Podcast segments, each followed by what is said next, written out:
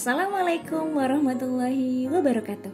Hai sobat ATR BPN semua, Jiah di sini. Selamat datang kembali di podcast Kantor Pertanahan Kota Medan. Di podcast kali ini, saya akan berbagi sedikit informasi mengenai pencatatan pelunasan BPHTB atau yang biasa dikenal dengan penghapusan BPHTB terhutang. Oh iya, beberapa dari kita masih bingung nih dengan istilah BPHTB. Bagaimana sih pencatatan pelunasan BPHTB tersebut?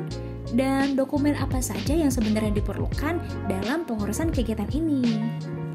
Nah, biar Sobat ATR BPN gak semakin penasaran nih, yuk kita bahas satu persatu. Jadi, BPHTB itu singkatan dari Biaya Perolehan Hak Atas Tanah dan Bangunan Maksudnya, itu adalah pajak yang muncul ketika kita mau memperoleh hak atas tanah dan bangunan dari properti yang kita mau beli. Intinya, BPHTB itu merupakan pajak yang harus dibayar saat membeli rumah ataupun tanah. Berdasarkan Undang-Undang Nomor 28 Tahun 2009, pembayaran BPHTB ini ternyata sudah termasuk ke dalam pajak dan retribusi daerah loh.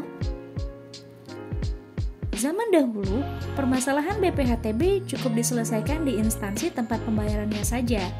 Namun, beberapa tahun terakhir ini, BPHTB yang telah dibayarkan ke instansi terkait tetap harus dilaporkan kembali ke BPN ya. Nah, yang terakhir adalah dokumen-dokumen yang harus kita siapkan ketika kita ingin mengajukan permohonan ini. Syarat-syaratnya gampang kok. Yang pertama, sertifikat hak atas tanah sertifikat ya, bukan sertifikat. yang kedua, fotokopi KTP atau KK. Yang ketiga, fotokopi PBB. Dan yang terakhir, fotokopi BPHTB yang sudah dibayarkan.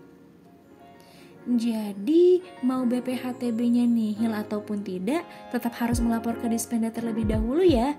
Dan jangan lupa, setelah di-approve, harus kembali lagi ke BPN untuk penghapusannya di sistem aplikasi pertanahan.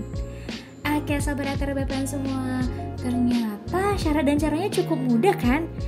Oh iya, jangan lupa untuk terus mendengarkan episode yang lainnya di podcast ini Dan bagi kalian yang tidak mau ketinggalan berita serta informasi seputar pertanahan Ayo buruan follow Instagram kami At Kanta Kota Medan Akhir kata, saya Munji Hayati, PPNPN Kantor Pertanahan Kota Medan, undur diri. Dan terima kasih karena sudah mendengarkan podcast ini sampai selesai. Wassalamualaikum warahmatullahi wabarakatuh. See ya!